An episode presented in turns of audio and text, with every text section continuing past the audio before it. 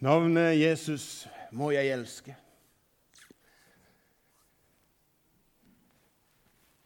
Filler, nå ble så sentimental. Jeg vet ikke hva som skjedde der, men fantastisk godt å se hver eneste en. Riktig godt nyttår. Takk for det. Og Jeg må være så ærlig og si det at når jeg sier 'godt nyttår', så mener jeg det. Det er ikke bare et munnhellig fra min side. altså. Jeg mener det inderlig. og jeg, jeg, ønsker hver eneste en av dere som sitter her inne, og du som kanskje hører på dette på, på nettet, på podkast Jeg ønsker deg et fantastisk godt og velsigna nyttår. Du som kanskje har opplevd at 2018 det var kanskje noe av det mer kjipe året i ditt liv. Ting gikk absolutt ikke sånn som du hadde tenkt, og, det har vært nokså tråkig og, og kjipt. Vet du noe? Jeg ønsker deg et godt nyttår for 2019. Og du som hadde 2018 som bare tidenes år, og du som alt gikk på skinner, og du som fikk eh, lønnsøkning, og du var velsigna, og det var mest som ikke måte på, du var forelska nesten 375 dager i år. Det var litt mange dager i det år, men, men du, du, kjente bare at livet pulserte. Vet du noe? Jeg ønsker deg et enda bedre år for 2019. Og så sitter du og tenker er det mulig? Så tenker jeg, Ja, det er mulig. For oss som lever med en himmel over livet, så har vi det beste i vente. Vi har det beste i vente. Vi har ikke sett det beste ennå. Det ligger foran oss. Og Derfor kan vi med frimodighet si godt nytt år og håpe at det virkelig blir dette året her som blir det aller, aller beste i vår tid. Og i det hele tatt. Um, Sjøl så, så Ja Godt nyttår.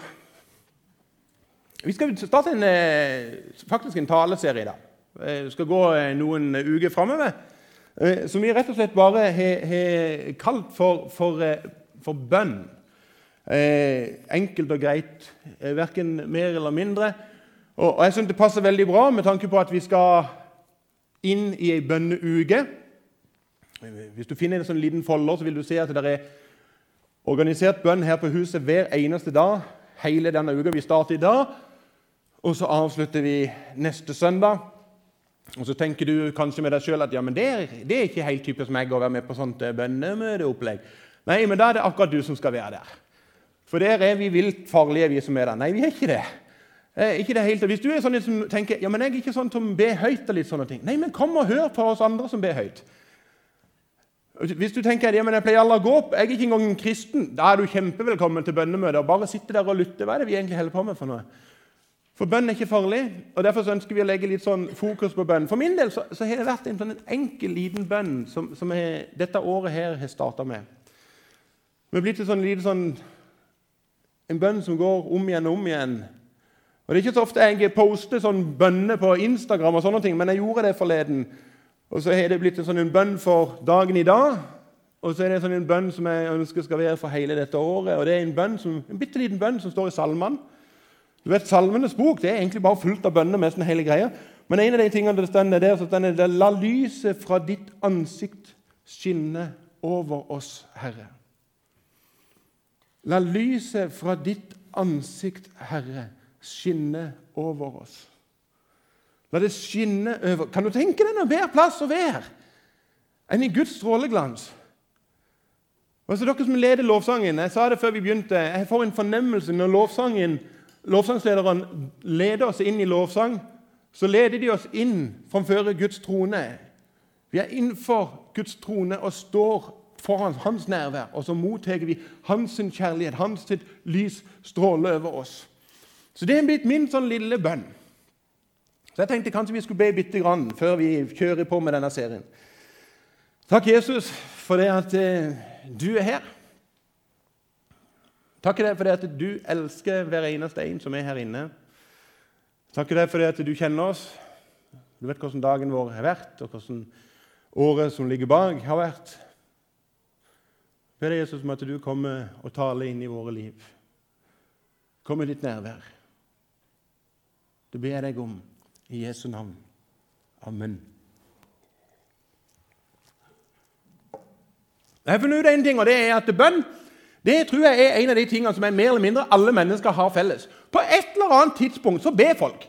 Det er altså, Spesielt når livet er beintøft, så er det merkelig. Da kommer det en eller annen bønn. Jeg husker når vi bodde oppe i Nord-Norge. Da var det en sånn en skikkelig bamse av en mann som absolutt ikke pleide å gå i kirka. og Så gikk han ut eh, på en litt dårlig is, og så datt han ut i is eh, Så knakk isen, heter det. Jeg skulle til å si rakna isen, men det knakk iallfall. Og han eh, blomsa oppi, og han lå der. Og Da skal jeg love deg, da var det plutselig ikke bannskap som kom, men da var det bønn. Gud, hjelp meg. Og Hvis jeg bare kommer opp herifra, da skal jeg bli et godt menneske. Og Da skal jeg slutte med alt med bannskap. Og så var det noen som fikk han opp, og det første han gjorde, det var ikke å lovprise Gud, men det var banne. Eh, men, men, men, når vi blir desperate, så ber vi. Og, og, til og med av og til i sånne situasjoner som ikke er desperate i det hele tatt. Eh, F.eks. når du ligger våken klokka tre på natta og ikke får sove. Gud, la meg få lov til å sove litt. Altså, Bjørn Eidsvåg har til og med skrevet det i en sang en gang. Helt på slutten så skriver han jeg tenker, eh, jeg, Skjenk meg litt søvn, er du snill. Hvis du lar meg få hvile, skal jeg love å prøve å være sånn som du vil. Jeg vet ikke hvor mange ganger jeg har våkna på natta og får du ikke sove. det blir så kjære Jesus, kan jeg ikke få lov til å sove bitte grann? Jeg skal opp tidlig i morgen tidlig. Og så er det sånn Er det bare meg som har gjort det? Er det andre som også ligger med? Det er en enkel, liten bønn. Som om, det var om, som om det var om livet å stå for. At jeg fikk sove litt. Jeg tenker, jeg hadde jo klart meg uten søvn. Men der og da så blir vi veldig desperate, og så stiger det en eller annen bønn opp. Og Jeg har til og med vært sammen med ateister som sier det. Av og til så ber jeg. Og Han ene kjenner jeg såpass godt at jeg måtte informere han om at det er du som ikke tror på noen ting. Hva er det du egentlig ber til? Ja, men Da må det være et eller annet, sa han. Og så tenkte jeg ja, kanskje ikke du er fullt så mye ateist som det du vil ha det til. Eh, men vi ber, og vi ber av og til desperat og av og til mye. Og så har jeg merka meg en annen ting til, og det er at eh, ofte når vi tar opp dette med bønn, så skjer det noe med folk som går i menighet. Da blir det av og til litt sånn klein stemning. For folk sånn, får litt sånn dårlig samvittighet. Oi, vi skal ha bønneuke. Jeg er ikke så flink på det der med å be. Vet du, Jeg ber ikke så mye. Jeg er ikke sånn som går på sånn bønnemøte. Jeg, jeg, jeg, burde jo ha bedt mer, og jeg burde jo ha bedt lenger. Og så glemmer jeg jo å be for kongen og fedrelandet og Israel. Og, og så glemmer jeg å takke. og så... Og så står folk der med en sånn en himlende dårlig samvittighet over at eh, bønnelivet deres plutselig ikke er sånn som de hadde håpet at det skulle være. Og når jeg satt og forberedte dette, så tenkte jeg er det én ting ikke jeg ønsker, så er det at folk sitter og hører på min forkynnelse og får dårlig samvittighet. Det, altså Folk klarer å skape det sjøl istedenfor at jeg skal klare å skape noe dårlig samvittighet. Så når vi taler om bønn nå, så har ikke jeg noe ønske om at du skal tenke at å, jeg er så dårlig på dette her. Men jeg har lyst til å si noen få ting om bønn som kanskje kan inspirere deg til å se gleden i bønn, og hvor fantastisk det faktisk er at vi kan få lov til å henvende oss til Gud den allmektige, og han hører. Så hvis du sitter her og tenker å, dette med bønn er ikke noe mye greie, bønn er absolutt noe greie for deg. Det kan være bare at du ikke har sett hvor mye det faktisk ligger i det. En av de tingene som jeg har lyst til å nevne som, som er med bønn Jeg skal nevne bare noen få ting. Men en av de ting som bønn gjør, det er at bønn skaper nærhet. Det skaper nærhet. Eh, litt før eh, jul da var Sissel og meg, kona mi og meg, vi var så heldige å få lov til å invitere hjem en god del av våre naboer. Eh, og De fleste som bor der oppe som vi bor, de har bodd der oppe siden tidenes morgen. Iallfall siden Stridskleiv-feltet ble bygd, så har de bodd der oppe. Så du skjønner at snittalderen er litt høyere enn Sissel og meg. To-tre år eldre enn meg. Pluss, pluss, pluss. Og så samler vi denne her gjengen her til et godt måltid kveldsmat. Og så er det det som er så fantastisk når du inviterer folk sammen, så, så skjer det et eller annet. Og Vi hadde en fantastisk gøy kveld sammen. Det var mimring, og de snakket om hvordan tomtene hadde blitt sprengt, og det hadde gått stein i alle retninger, og det var skeive murer, og de lo, og de hadde det knallgøy. Og så har jeg merka meg at, For det er ikke første gang at vi har gjort sånne samlinger. Men jeg har merka meg at når vi gjør sånne samlinger, så kommer vi nærmere og nærmere hverandre. Og Plutselig er det ikke bare at vi mimrer, men jeg har til og med opplevd at det har blitt sånn i nærhet at plutselig så begynner vi å snakke ærlig om livet. Vi deler sorg, tårer. Vi deler smerte. Vi deler savn. Og Vi tør av og til snakke om at eh, nå begynner kroppen å skrante litt, og vi snakker litt om sykdom. Og så tenker jeg Wow! Her skjer det et eller annet. Det blir en sånn nærhet oss imellom. Og nå før jul så hadde denne nærheten kommet så mye at du vet at når du begynner å komme nær på folk, så begynner du å bli ærlig med dem. Du tør å være ærlig, og du tør å si hva du faktisk tenker. Så plutselig så sier han en av dem Tore, jeg må komme med en liten bekjennelse. Og vet du, Jeg som pastor tenkte at nå kommer det en synsbekjennelse. Jeg er klar, tenkte jeg. Eh, så kikket han på meg og så sier han, du, jeg må være ærlig og si det. At uh, første gang jeg så deg Det var rett etter dere hadde kjøpt huset her. Jeg hadde ikke sett det før, og så ser jeg deg. Uh, og så går jeg inn til kona mi og så sier jeg, sier jeg til kona mi Ut ifra hårlengden og utseendet på han nye naboen så tror jeg kanskje han er medlem av Bandidos.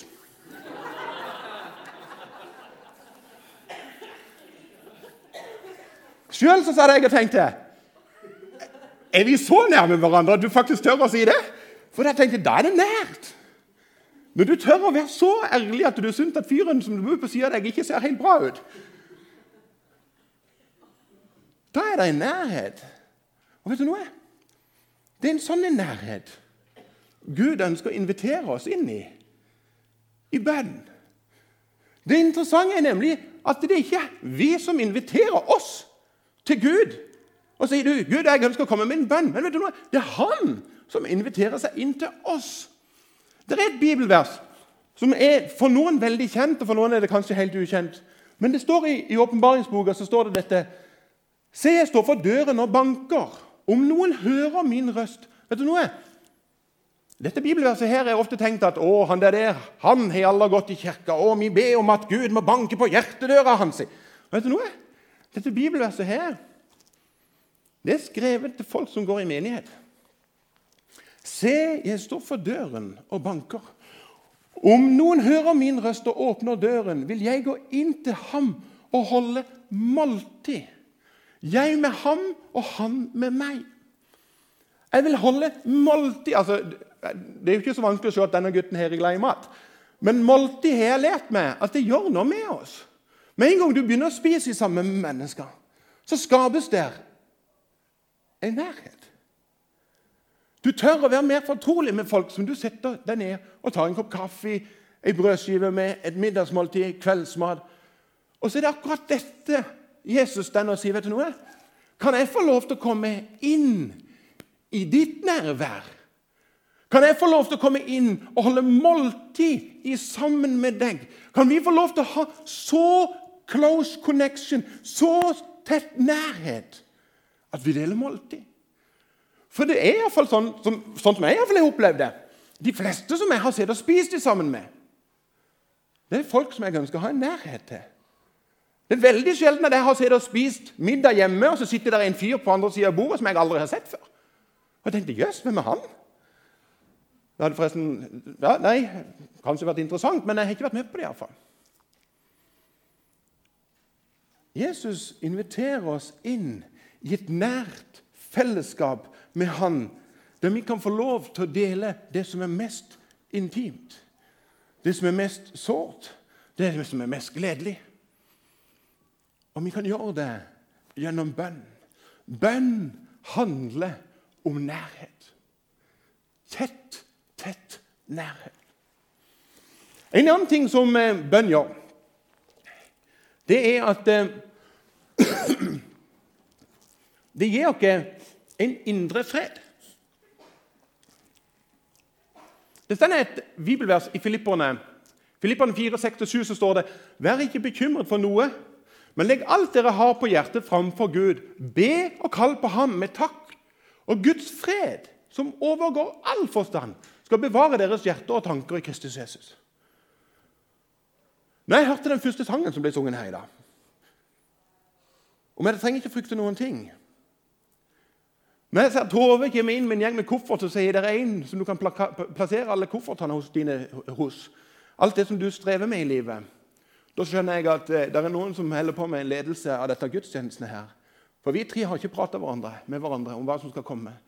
Og her står plutselig jeg og sier bønn handler om akkurat disse tingene her. Om at det er en som ønsker å gi deg indre fred. Greia er nemlig det at vi har en egenskap i å bli bekymra. Du trenger ikke være bekymra, men det er sannelig men alt ikke lett. Altså, Iallfall hvis du har små barn. Eller du passer på noen små barn. Og plutselig så skjer det et eller annet som ikke du hadde forberedt deg på, og så kjenner du bare Nå er jeg bekymra. Da hjelper det veldig lite å si ja, men det står i Bibelen, trenger ikke være bekymra. Den bekymringa bare kommer rasende på deg. Du bare kjenner hva gjør jeg nå for noe? Men vi trenger ikke. Det bor en kar oppe i Bergen som jeg må være ærlig og si at jeg har veldig sansen for. Jeg har lest litt av hans bøker hørt litt på hans taler og seminarer.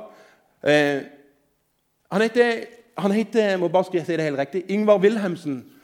Han er lege, han er kristen, han har starta det de kaller for hypokonderklinikken. Altså disse som er profesjonelle på å være bekymra. De kommer dit. De er ofte bekymra for alt det vi ikke er bekymra for, pluss det vi er bekymra for. og Det samler de på en måte hos seg, disse som sliter med disse tingene. Eh, og eh, Wilhelmsen han har sagt en del ting som jeg har bedt meg litt sånn merke i. Blant annet har han sagt dette her at eh, det er mye i livet du ikke kan gjøre noe med. Det er faktisk veldig mye i livet du ikke kan gjøre noe med. Selv om jeg gjerne vil, altså, Du kan ikke gjøre noe med været. Men de fleste går rundt og bekymrer seg for at blir det dårlig vær i morgen. Blir det snø? Blir det snø? Jeg kjenner noen som henger rundt og tenker på det. Tenk om det blir mye snø på stridsklev i morgen. Men jeg kan ikke gjøre noe med det. Men jeg tenker veldig mye på det. Men jeg kan ikke gjøre noe med det. Jeg kan heller ikke gjøre noe i forhold til kronekurs eller dollarkurs. Den kommer bare av seg selv. Jeg kan ikke velge hvor jeg skal bli født. Jeg kunne ikke engang velge hvem jeg skulle få til foreldre. Jeg kan ikke velge sykdom. Det hadde vært veldig greit. Jeg tar bare en bitte liten sykdom. En sånn lett forkjølelse. takk. Ikke noe mer. Lett forkjølelse. Det er mer enn nok for meg. Du kan f.eks. ikke velge om du skal bli født med et handikap. Altså, det var jo ikke sånn at En dag så var det noen som hadde tilbud på veldig godt tilbud på dårlig hørsel. Og Da rakk jeg opp hånda og sa den, den tar jeg, jeg tar den. Jeg tar den. Jeg kan godt gå med høreapparat. Det passer meg veldig fint. Det er utrolig mye i livet som du ikke kan gjøre noen ting med. Men det er noen ting du kan gjøre noen ting med, som du kan på en måte eh, styre noen ting rundt. Nå må du skru ned livet, for nå må denne pastoren snyte nesa si. Det er for dumt å ha det med på Jeg ba nemlig om å bare få en, sånn, en liten forkjølelse. så ikke sånn en kraftig en. Eh, det rare er at til, tross for at det er mye vi ikke kan gjøre noen ting med, så går vi rundt og bekymrer oss for disse tingene. her. Tenk om jeg får kreft. Tenk om mine barn. Tenk om eh, det og det skjer. Tenk om det og det skjer. Wilhelmsen har referert til en som jeg har veldig veldig sansen for i en av sine bøker. Og Det er vår kjære kong Harald. Kong Harald er en grasen, veldig bra fyr. Og som har sagt veldig mye lurt, og som det er verdt å lytte til. Du kan vene mye om monarki, og alt det der, men, men kongen vår han er bare konge. Helt konge. Eh, og Jeg husker fra et intervju som eh, Wilhelmsen refererte til, der, der kongen ble intervjua. Der reporteren spør han, du, eh, kong Harald, er det sånn at du ofte ligger våken på natta og er bekymra for at Norge skal bli ramma av terror? Nei, svarte kong Harald. Det tenker jeg veldig lite på. Ja, men eh, er det ikke sånn at du, du, du, du er litt våken på natta? For det, det, er klart at det kan jo faktisk skje. Nei, nei. På natta, sa kong Harald, da sover jeg. Ja, men kong Harald, du er jo tross alt kongen i dette landet. og Det er jo tross alt du som på en måte er den øverste. Bør ikke du være en smule bekymra for disse tingene? Nei, sa kong Harald. Jeg føler ikke at jeg bør det. Altså, Greia er nemlig det at vi har betalt noen for å være bekymra for dette. Det kalles for PS, PST, altså eh, Politiets sikkerhetstjenesten. De har den som jobb. De kan godt være bekymra for disse tingene her. Sjøl bruker jeg natta til å sove på. Og så la han til så hvis vi opplever terror, så skal iallfall jeg våkne uthvilt. Wilhelmsen sier nemlig det at det er to ting du kan ha kontroll på. Og Det er dine handlinger og dine eh, holdninger. Dine holdninger og dine handlinger. Holdninga til kong Harald er at dette er ikke mitt problem, det er noen andres problem. Så jeg trenger ikke fortvolde meg til det. Handlinga hans er at jeg sover. Og vet du noe? Når vi går inn for Gud i bønn, så gjør vi noe av det samme. Vi kan med hjelp av Gud se hva som er våre holdninger til det som skjer rundt oss. Og ikke minst så er bønn en handling som gjør at Gud kan gjøre noe i våre liv. Der han får lov til å påvirke oss, nemlig å skape en indre fred. Det kommer ikke opp på tekst på veggen, men i Salme 131, 2 så stender det Jeg har fått min sjel til å bli stille og rolig som et lite barn hos sin mor. Som det lille barnet, slik er min sjel i meg. Tenk å ha det så rolig. Er det noen ting som er så skjønt som å holde et nyfødt liten baby som ligger og sover sin tryggeste søvn, og så sier vet du noe? Sånn som dette lille barnet ønsker Gud at jeg skal ha det i min hverdag. Han ønsker å skape en indre fred og en indre ro i oss. For faktum er dette, nemlig dette, og det er en som har sagt det veldig bra Søren Kirkegård har sagt dette bønnen forandrer ikke Gud, men den forandrer den som ber. Vi tror av og til at hvis jeg bare ber litt, så endrer Gud seg. Men greia er at Gud forandrer meg. Og så skaper han noe i meg. Han kan hjelpe meg til å se hva som er min holdning og hva som bør være mine handlinger i møte med det som er rundt meg. Sånn at jeg faktisk kan gjøre sånn som Tove viste her. Sette bagasjen der bagasjen hører hjemme, og så si det er ikke min bagasje lenger. Utfordringen er jo at vi ofte går og henter den igjen. Og så sier Gud men du trenger jo ikke det. Det er vi som skal passe på den der. der.